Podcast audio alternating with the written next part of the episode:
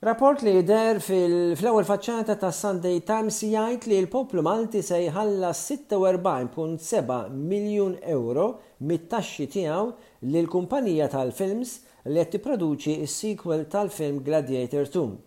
Tikkwota figuri uffiċjali u jingħad li l-Gvern Malti permezz tal-Malta Film Commission Intrabat li ħallas 46 miljun punt sitta ewro lil kumpanija sussidjarja ta' Paramount Studios għall-produzzjoni tal-film tad-direttur Ridley Scott.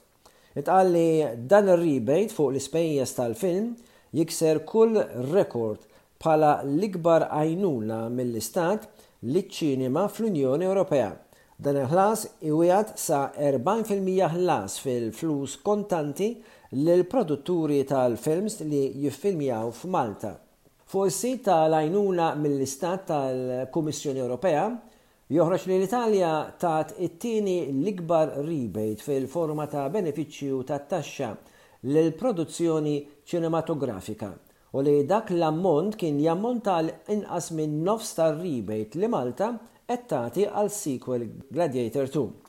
Il-Gvern jgħid li l-iskema qed tkabbar l-industrija tal-films b'mod sinifikanti billi tiġbed lejn Malta produzzjonijiet ewlenin ta' Hollywood, Jgħid li dan jħalli aktar miljuni fl-ekonomija Maltija.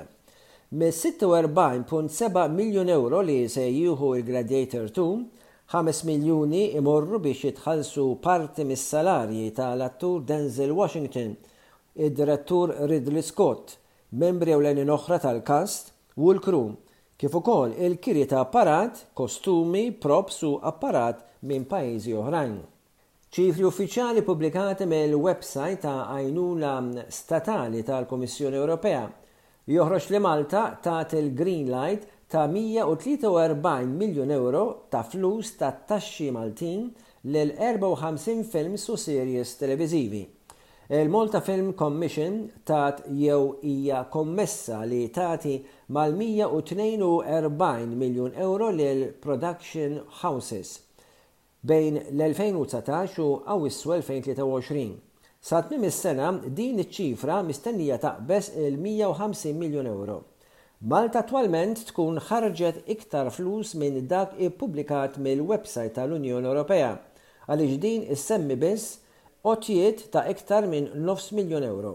Il-film epiku Napoleon ħa rebate fi flus ta' 12.7 miljun ewro s-sena l-oħra, fih ukoll produzzjoni ta' Ridley Scott.